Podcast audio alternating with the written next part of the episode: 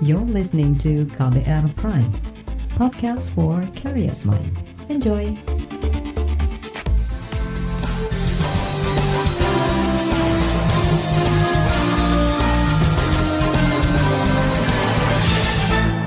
Halo selamat sore saudara, apa kabar Anda sore hari ini? Kembali KBR Sore siap untuk menjadi teman Anda hari ini tanggal 9 Mei 2022. Hari pertama setelah aktif kembali bekerja setelah libur Idul Fitri. Dan seperti biasa selama kurang lebih 30 menit ke depan, saya akan ajak Anda untuk membahas satu hal. Sore ini saya mau ajak Anda untuk membahas berbagai kebijakan yang diterapkan pemerintah untuk menjamin mudik lebaran pada tahun ini berjalan aman, lancar, dan sehat. Sebab selama dua tahun sebelumnya pemerintah melarang mudik saat Idul Fitri lantaran situasi pandemi COVID-19. Sejumlah kebijakan yang dikeluarkan meliputi rekayasa lalu lintas dengan penerapan one way dan kontraflow, penambahan fasilitas di rest area bagi pengguna kendaraan pribadi hingga pengadaan mudik gratis. Selain itu, pemerintah juga menerapkan kebijakan kerja dari rumah setelah pulang mudik. Kebijakan-kebijakan itu dikeluarkan untuk menghindari macet serta mencegah terjadi kerumunan untuk menghindari penularan COVID-19. Lantas, efektifkah semua kebijakan itu? Bersama saya Reski Mesanto kita bahas selengkapnya di KBR sore. Saudara, Presiden Joko Widodo telah menghimbau masyarakat untuk kembali dari kampung halaman lebih awal. Imbauan itu disampaikan agar tidak terjadi penumpukan arus lalu lintas di berbagai daerah. Sebab berdasarkan survei Kementerian Perhubungan akan ada 85 juta orang mudik pada tahun ini. Saya ingin mengingatkan bahwa pemerintah memprediksi puncak arus balik akan terjadi pada tanggal 6, 7, dan 8 Mei 2022. Untuk menghindari kepadatan arus balik dan agar kita semua nyaman di perjalanan. Saya mengajak Bapak, Ibu, dan saudara-saudara yang melakukan perjalanan dengan kendaraan pribadi agar kembali lebih awal atau kembali setelah puncak arus balik. Tentunya sesuai dengan izin yang didapatkan dari tempat kerja. Sekali lagi, pemerintah akan selalu berupaya melakukan yang terbaik untuk masyarakat, termasuk mengatur perjalanan arus balik dengan manajemen lalu lintas untuk mengurai kemacetan. Saudara, itu tadi Presiden Joko Widodo. Menurut Direktur Penegakan Hukum Korlantas Polri, Aan Suhanan, imbauan Presiden Joko Widodo dipatuhi oleh sebagian masyarakat. Kata dia, pada 5 dan 6 Mei, arus balik pemudik sudah mulai terpantau, namun puncak arus balik tetap terjadi pada 7 dan 8 Mei sehingga rekayasa lalu lintas tetap dilakukan petugas. Sesuai rencana, jadi pada arus balik juga kita akan berlakukan, akan terapkan ganjil genap. Karena kalau melihat angka tadi Pak Kakor Lantas menyampaikan kalau sampai 200 ribu kendaraan yang ada di ruas jalan tersebut, itu volume kapasiti rasionya di atas satu. Artinya sudah tidak ada ruang lagi. Bahu jalan sudah terpakai, kemudian lajur-lajur sudah penuh. Kita tadi strateginya kan yang pertama adalah e, menambah kapasitas jalan dengan melakukan e, kontraflow maupun e, one way. Kemudian mengurangi e, volume kendaraan dengan membatasi angkutan barang ya sumbu tiga ke atas dan pembatasan dengan ganjil genap ini diharapkan diikuti sehingga separuh ya kalau ganjil genap diterapkan separuh calon pemudik ini bisa kita alihkan ke arteri atau menunda perjalanannya. Kita udah sosialisasi jauh-jauh hari. Kita memberikan jadwal untuk pelaksanaan one way ganjil genap ya. Ini sudah jauh-jauh hari sebelum puasa malah. Kemudian apabila masih ada, kita kan sterilisasinya atau apa screeningnya ada di gerbang tol masuk ya. Apabila yang tidak sesuai dengan tanggalnya, kita alihkan ke arteri. Aan mengakui terjadi kemacetan di area peristirahatan atau rest area saat puncak arus balik kemarin. Padahal menurutnya, sudah ada penambahan fasilitas toilet yang jadi salah satu faktor penyebab antrean. Namun pemudik tetap tidak tertampung, karena itu petugas dikerahkan untuk memandu pemudik beristirahat di luar tol atau di jalur arteri. Setelah sebagian pemudik balik dari kampung mereka, pemerintah menghimbau agar pekerja bekerja dari rumah atau WFH. Menteri PAN RB Cahyo Kumulo meminta para pegawai khususnya ASN agar kembali ke Jabodetabek mulai hari ini atau lusa. Namun mereka tetap bekerja dari rumah untuk menghindari kemacetan saat arus balik. Menurut Cahyo, para ASN sudah terbiasa mengerjakan pekerjaan secara daring selama pandemi. Ia yakin pekerjaan akan tetap bisa dilakukan dengan baik. Khusus untuk ASN termasuk TNI Polri yang mudik diberi pelonggaran bisa kembali ke Jakarta H-2 atau H plus 2, 3. Dan bagi yang H plus bisa tetap aktif bertugas di kementerian, lembaga, dan Pemda dengan kerja di rumah. Bagi yang tidak mudik dan bagi yang sudah ada di Jakarta tetap harus kerja secara fisik di kantor masing-masing dan khususnya yang menyangkut pelayanan publik, Dukcapil misalnya, untuk SIM, untuk rumah sakit, untuk imigrasi dan lain-lain termasuk perizinan itu tetap harus siap dan kerja di kantor melayani masyarakat. Ketentuan masing-masing kementerian lembaga dan daerah diserahkan pada PPK masing-masing. Khusus buat Kementerian Pan RB, saya mohon teman-teman eselon 2 untuk mengecek berapa hari ini yang secara fisik hadir di kantor dan berapa yang masih mudik.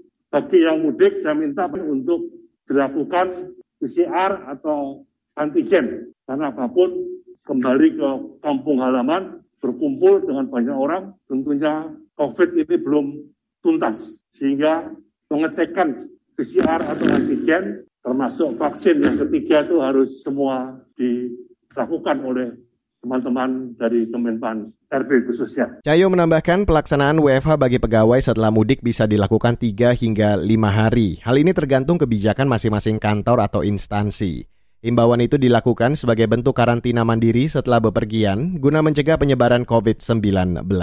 Saudara, selanjutnya di KBR Sore akan saya hadirkan laporan khas KBR berjudul Antisipasi Lonjakan Kasus COVID-19 Pasca Lebaran. Tetaplah di KBR Sore. You're listening to KBR Pride, podcast for curious mind. Enjoy!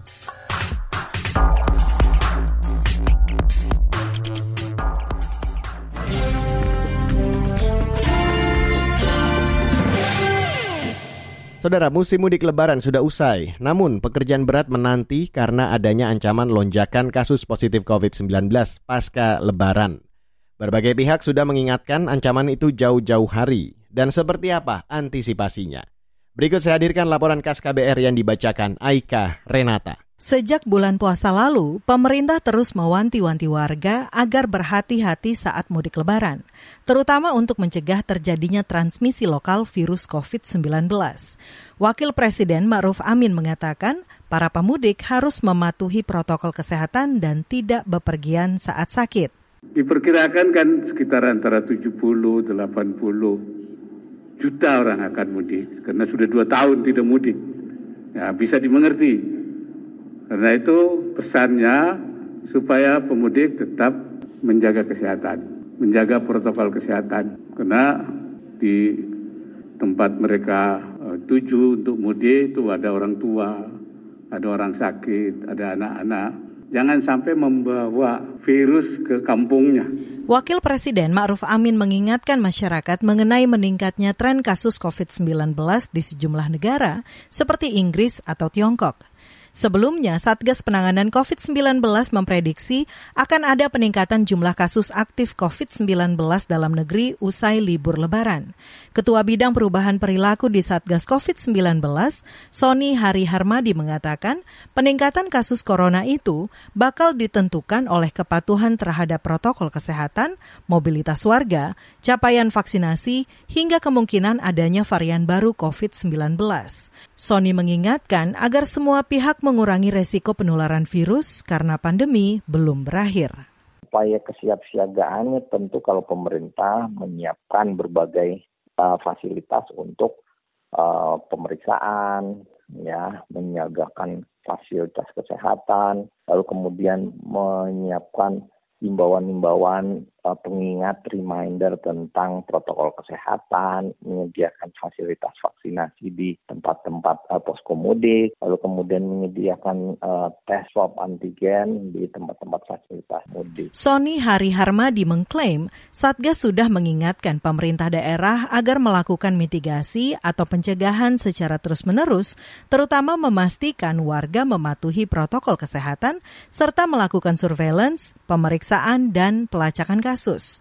Apalagi di musim libur lebaran, tempat-tempat tujuan wisata banyak dikunjungi warga. Satgas juga meminta pemerintah daerah memberi sanksi kepada pengelola wisata dan fasilitas publik yang melanggar protokol kesehatan. Imbauan itu dipatuhi sejumlah daerah. Di Banyuwangi, Jawa Timur, wisatawan yang tidak bisa menunjukkan sertifikat vaksin COVID-19 dilarang masuk destinasi wisata. Seperti di kawasan wisata Grand Watu Dodol, Banyuwangi. Pengelola wisata Abdul Aziz mengatakan larangan itu sesuai instruksi pemerintah. Itu tetap aplikasi peduli lindungi tetap, terus nah, kalau cuci tangan itu sudah enggak ya, karena hmm. takut kalau turun trouble tapi harinya diganti disemprot tangannya pakai hand sanitizer. Kalau yang ditolak masuk itu ada beberapa ya tidak banyak lah. Hmm, itu penyebabnya apa pak? Ya nomor satu karena nomor satu yang enggak enggak ini enggak memenuhi vaksin yang satu dua. Antisipasi lain dari pemerintah adalah memperlakukan kerja dari rumah atau work from home bagi aparatur sipil negara. Menteri Pendayagunaan Aparatur Negara Cahyo Kumolo mengatakan WFH bisa diterapkan selama sepekan setelah puncak arus balik lebaran. Cahyo mengatakan WFH atau kerja dari rumah menjadi kesempatan baik untuk isolasi mandiri setelah para ASN kembali dari kampung halaman. Antisipasi juga dilakukan Kementerian Pendidikan dan Kebudayaan yang memperpanjang masa libur sekolah di tiga provinsi, yaitu DKI Jakarta, Banten, dan Jawa Barat hingga 12 Mei mendatang. Epidemiolog dari Universitas Griffith Australia, Diki Budiman mengatakan, kerumunan di kawasan wisata merupakan salah satu acara yang berpotensi meningkatkan transmisi COVID-19 di masa lebaran. Pastikan uh, selama masa libur lebaran ini pemerintah daerah juga membantu membuat list lah daftar uh, lokasi wisata atau tempat-tempat yang memang memiliki risiko uh, aman baik ya dari sisi uh, tempat maupun protokol kesehatan dan termasuk yang berisiko tinggi tempat-tempat berisiko tinggi diberi list juga untuk mereka akhirnya bisa menghindari. Epidemiolog Diki Budiman mengatakan kunci mengantisipasi peningkatan COVID-19 pasca lebaran adalah mempercepat dan meningkatkan cakupan vaksinasi serta meningkatkan kepatuhan protokol kesehatan yang saat ini sudah semakin kendor. Laporan ini disusun Agus Lukman. Saya Aika Renata. Saudara, kebijakan-kebijakan yang diberlakukan pemerintah saat mudik mendapat perhatian dari para pakar. Lantas apa masukan dan evaluasi mereka? Selengkapnya sesaat lagi. You're listening to KBR Pride, podcast for curious mind. Enjoy!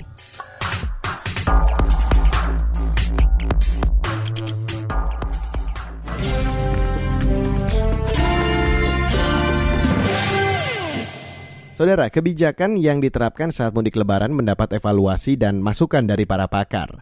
Apa saja masukan dan catatan dari para pakar? Berikut saya hadirkan Perbincangan jurnalis KBR Reski Novianto dengan pengamat kebijakan publik Agus Pambagio. Menurut Anda, apa yang perlu mendapat perhatian dan pembenahan dari kebijakan mudik lebaran di jalur darat?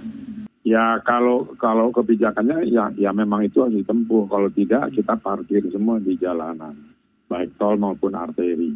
Nah, ya, nah jadi pengaturan itu memang hak maksimum optimal seperti sekarang. Persoalannya masyarakat harus siap bahwa kalau mudik atau balik lebaran itu pasti macet. Nggak mungkin nggak macet. Karena apa? Karena prasarananya jauh lebih kecil dari uh, jumlah populasi penduduknya. Sudah pasti macet. Kebijakan pengaturan itu diusahakan supaya tidak parkir, itu saja. Kalau macet itu macet. Nah, impactnya kan ke daerah-daerah yang uh, terdampak karena pengaturan itu. Ya, itu menjadi apa namanya keputusan yang harus diambil karena tidak bisa semuanya lancar.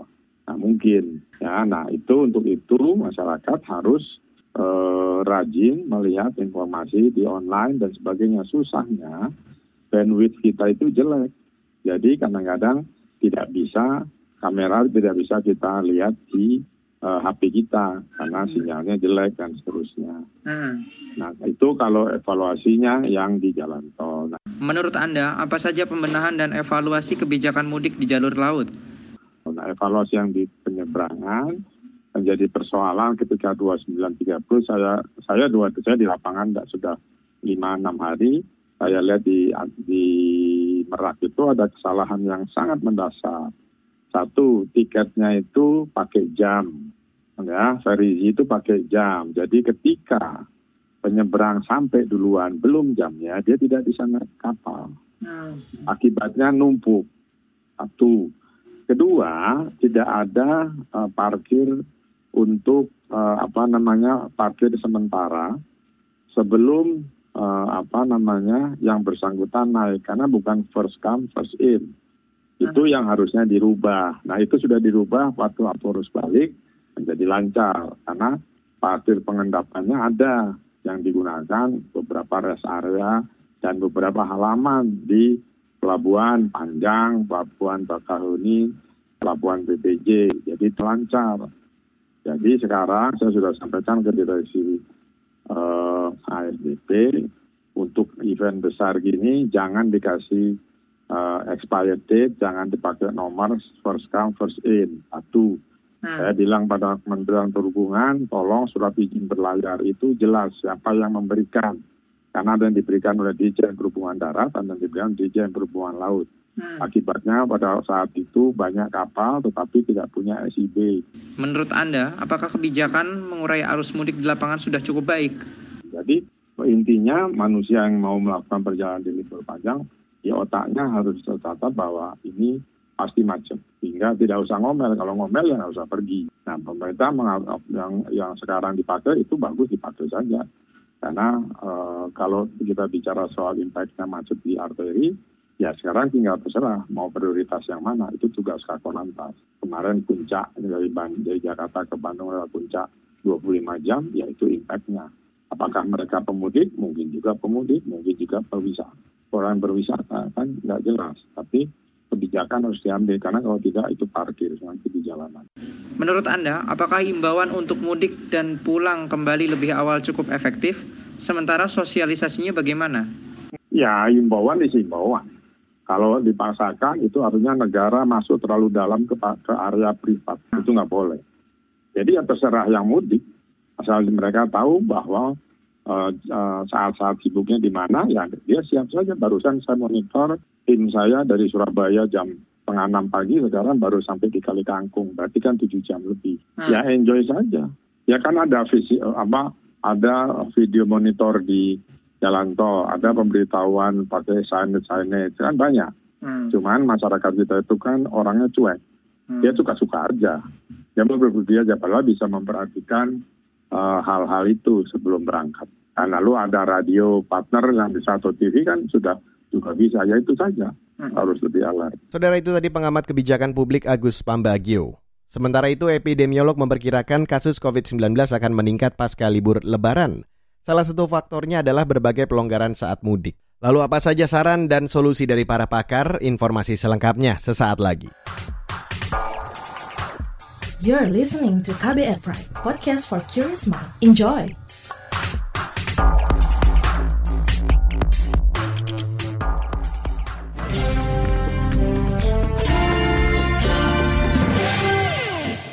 Saudara, pemerintah melonggarkan sejumlah kegiatan saat mudik lebaran pada tahun ini. Pelonggaran dilakukan meski suasana masih pandemi COVID-19.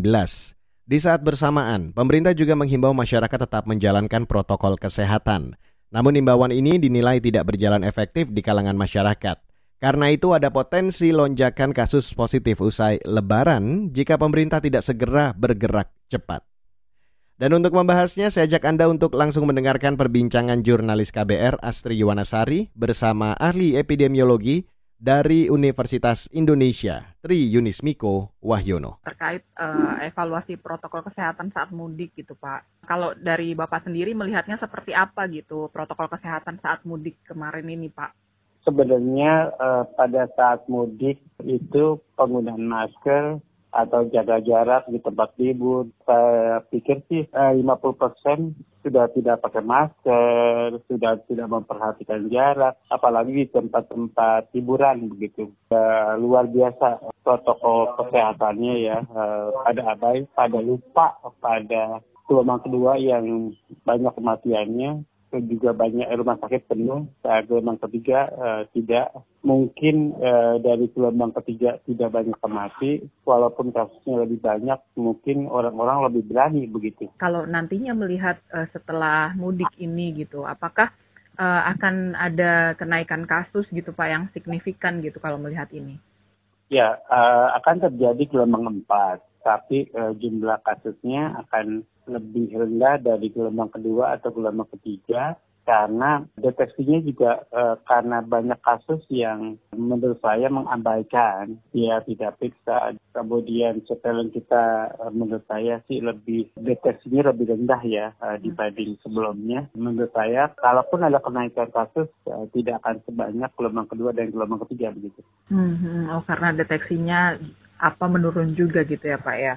Betul, betul. Hmm. Sekarang tidak diwajibkan ke pergi ke mana-mana, tidak wajib. Kemudian uh, orang-orang sudah tidak peduli, ya, kalau batuk-batuk ringan ya udahlah nggak periksa apa pun begitu. Jadi kalau dulu kan uh, batuk-batuk juga atau uh, panas sedikit aja udah periksa PC, uh, antigen lah, PCR lah begitu. Kalau antigen negatif ya diberi dia periksa PCR begitu. Nah sekarang orang sudah tidak peduli dengan pengalaman gelombang ketiga begitu. Menurut Anda seperti apa Pak soal imbauan WFH seminggu dan perpanjangan libur sekolah ini gitu?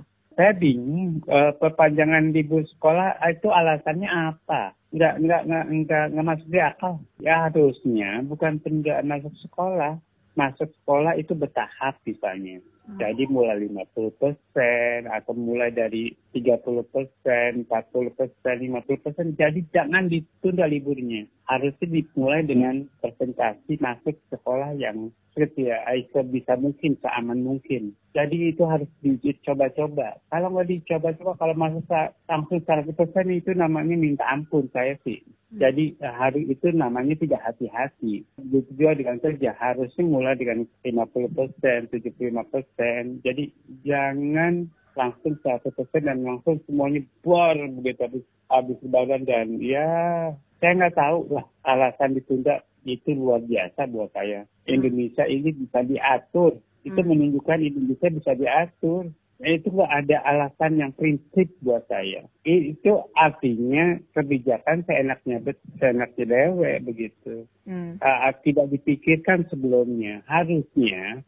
uh, libur itu ya dari awal diperpanjangnya, jangan diperpanjang dengan alasan tidak jelas begitu. Ya kalau al libur diperpanjang lagi juga mudiknya akan sama juga orang akan mudik di akhir. Hmm. Kalau begitu uh, alasannya begitu. Jadi itu bukan alasan yang tepat untuk menunda sekolah, menunda kerja, menunda ASN. Allahu Akbar, ini mah pemerintah bercanda dengan seenaknya aja begitu. Saudara, itu dia ahli epidemiologi dari Universitas Indonesia Tri Yunismiko Wahyono. Dan perbincangan ini sekaligus menutup kabar sore untuk hari ini, 9 Mei 2022. Terima kasih untuk Anda yang sudah bergabung sore hari ini. Selamat kembali menjalankan aktivitas Anda dan ingat selalu patuhi protokol kesehatan di mana pun Anda berada. Hindari kerumunan, kurangi mobilitas, dan pastikan Anda selalu menggunakan masker bila Anda berada di ruang publik. Saya Reski Mesanto undur diri dari KBR Sore. Salam.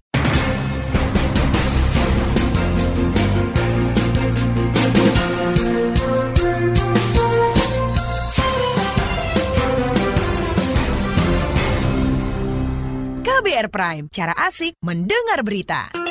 KBR Prime, podcast for curious mind.